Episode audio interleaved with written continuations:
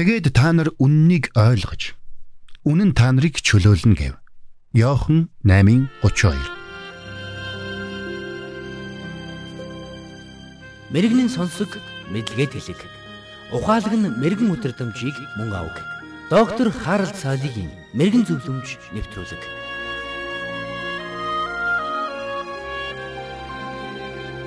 Үнэн гэж юу вэ? Понти Пилат гэгч хүн Есүс Христэс ингэж асуусан байдаг.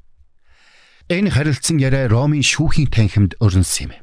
Тэрээр Есүс Христийг төрийн эсрэг хойволдан өрнүүлсэн эсхийг мэдхийн тулд байцааж байгаа нь.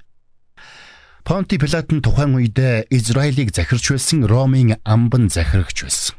Тэр улс төрийн олон нүүдлүүдийг хийж, хээл хахвал өгч байж энэ байр суурьнд ирсэн байсан. Улс төрийн эрх мэдэлд хүрэх гэж тэмүүлж байсан түүний хувьд үнэндээ үнэн гэдэг тийм ч чухал зүйл байсангүй. Ромын засаг захиргаанд өндөр албан тушаал олж аван түүнийг хадгалахын тулд Понти Пилат хээл хахуул, хүчрхийлэл, аллаг, хувилдаан гэд хийж болох бүхнийг хийж ирсэн.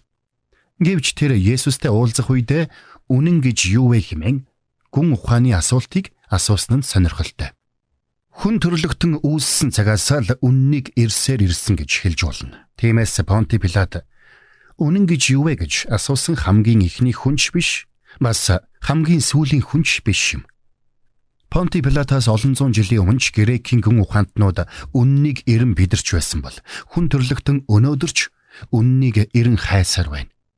Хүн төрлөختний мэдлэгийн сан энэ хугацаанд үлэмж ихээр нэмэгдсэн ч үннийг эрэх эрэл зогссонгүй. Шинжлэх ухаанчид өнөөдөр амьдралын тухай үннийг сансар огтргуугаас хүртэл хайх болж харин философчид үннийг харьцангуй шинжтэй юу, туйлын шинжтэй юу хэмээн маргаж байна.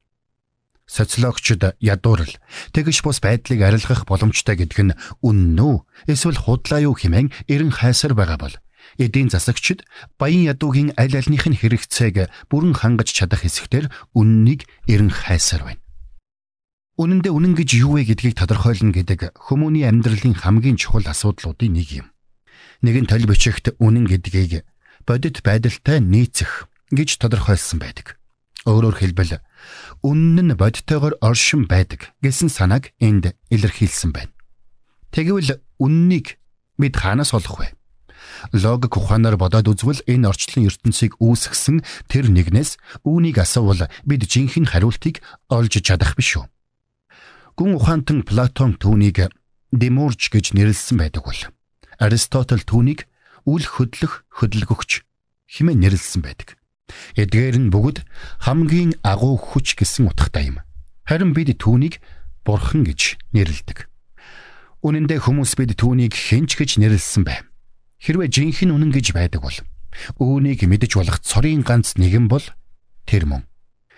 Тиймээс бид үннийг Библийн бурхнаас буюу бүхнийг бүтээсэн агуу бүтээгчээс эрен хайх нь зүйтэй юм. Бурхны бүтээлүүдийн агуу чанарууд нь түүний хүч чадлын илэрхийлэл болдог. Тиймээс ч гүн ухаантнууд ч тэр, шинжлэх ухаантнууд ч тэр, мохор сүсэгтнүүд ч тэр ялгаагүй бүгд бүтээлийн сүр жавхлангаас бурхны илэрлийг олж хардаг. Гэхдээ мэдээж тэдний зарим нь бурхныг зүгээр нэг агуу хүч төдий зүйлээр төсөөлдөг. Гэвч үнэн бурхан гэдэг зүгээр нэг агаар мандалд хөвж байдаг онцгой хүч биш юм. Тэр бас философийн ойлголт төдий зүйл биш. Ямар нэгэн амьгүй эд зүйл бүрч биш. Библиэс үзвэл бурхан бол сүнс бас бодгол. Тэр Есүс Христээр дамжуулаад өөрийгөө бидэнд илчилсэн байна. Есүс Христийг дэлхий рүү илгээж биднийг аварснаар Бурхан өөрийгөө ямар агуу хайр инэрлийн бурхан болохоо илчилсэн юм.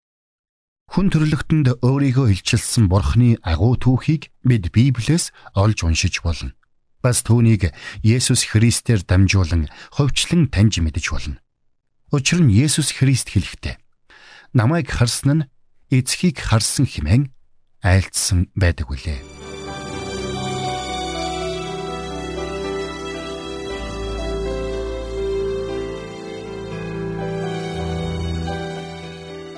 Мэргэн нэгнийг дагуул мэргэн, мулгуутай нөхөрлөл хорлол. Доктор Харл цайлигийн мэрэгэн зөвлөмж нэвтрүүлэг танд хүрэлээ.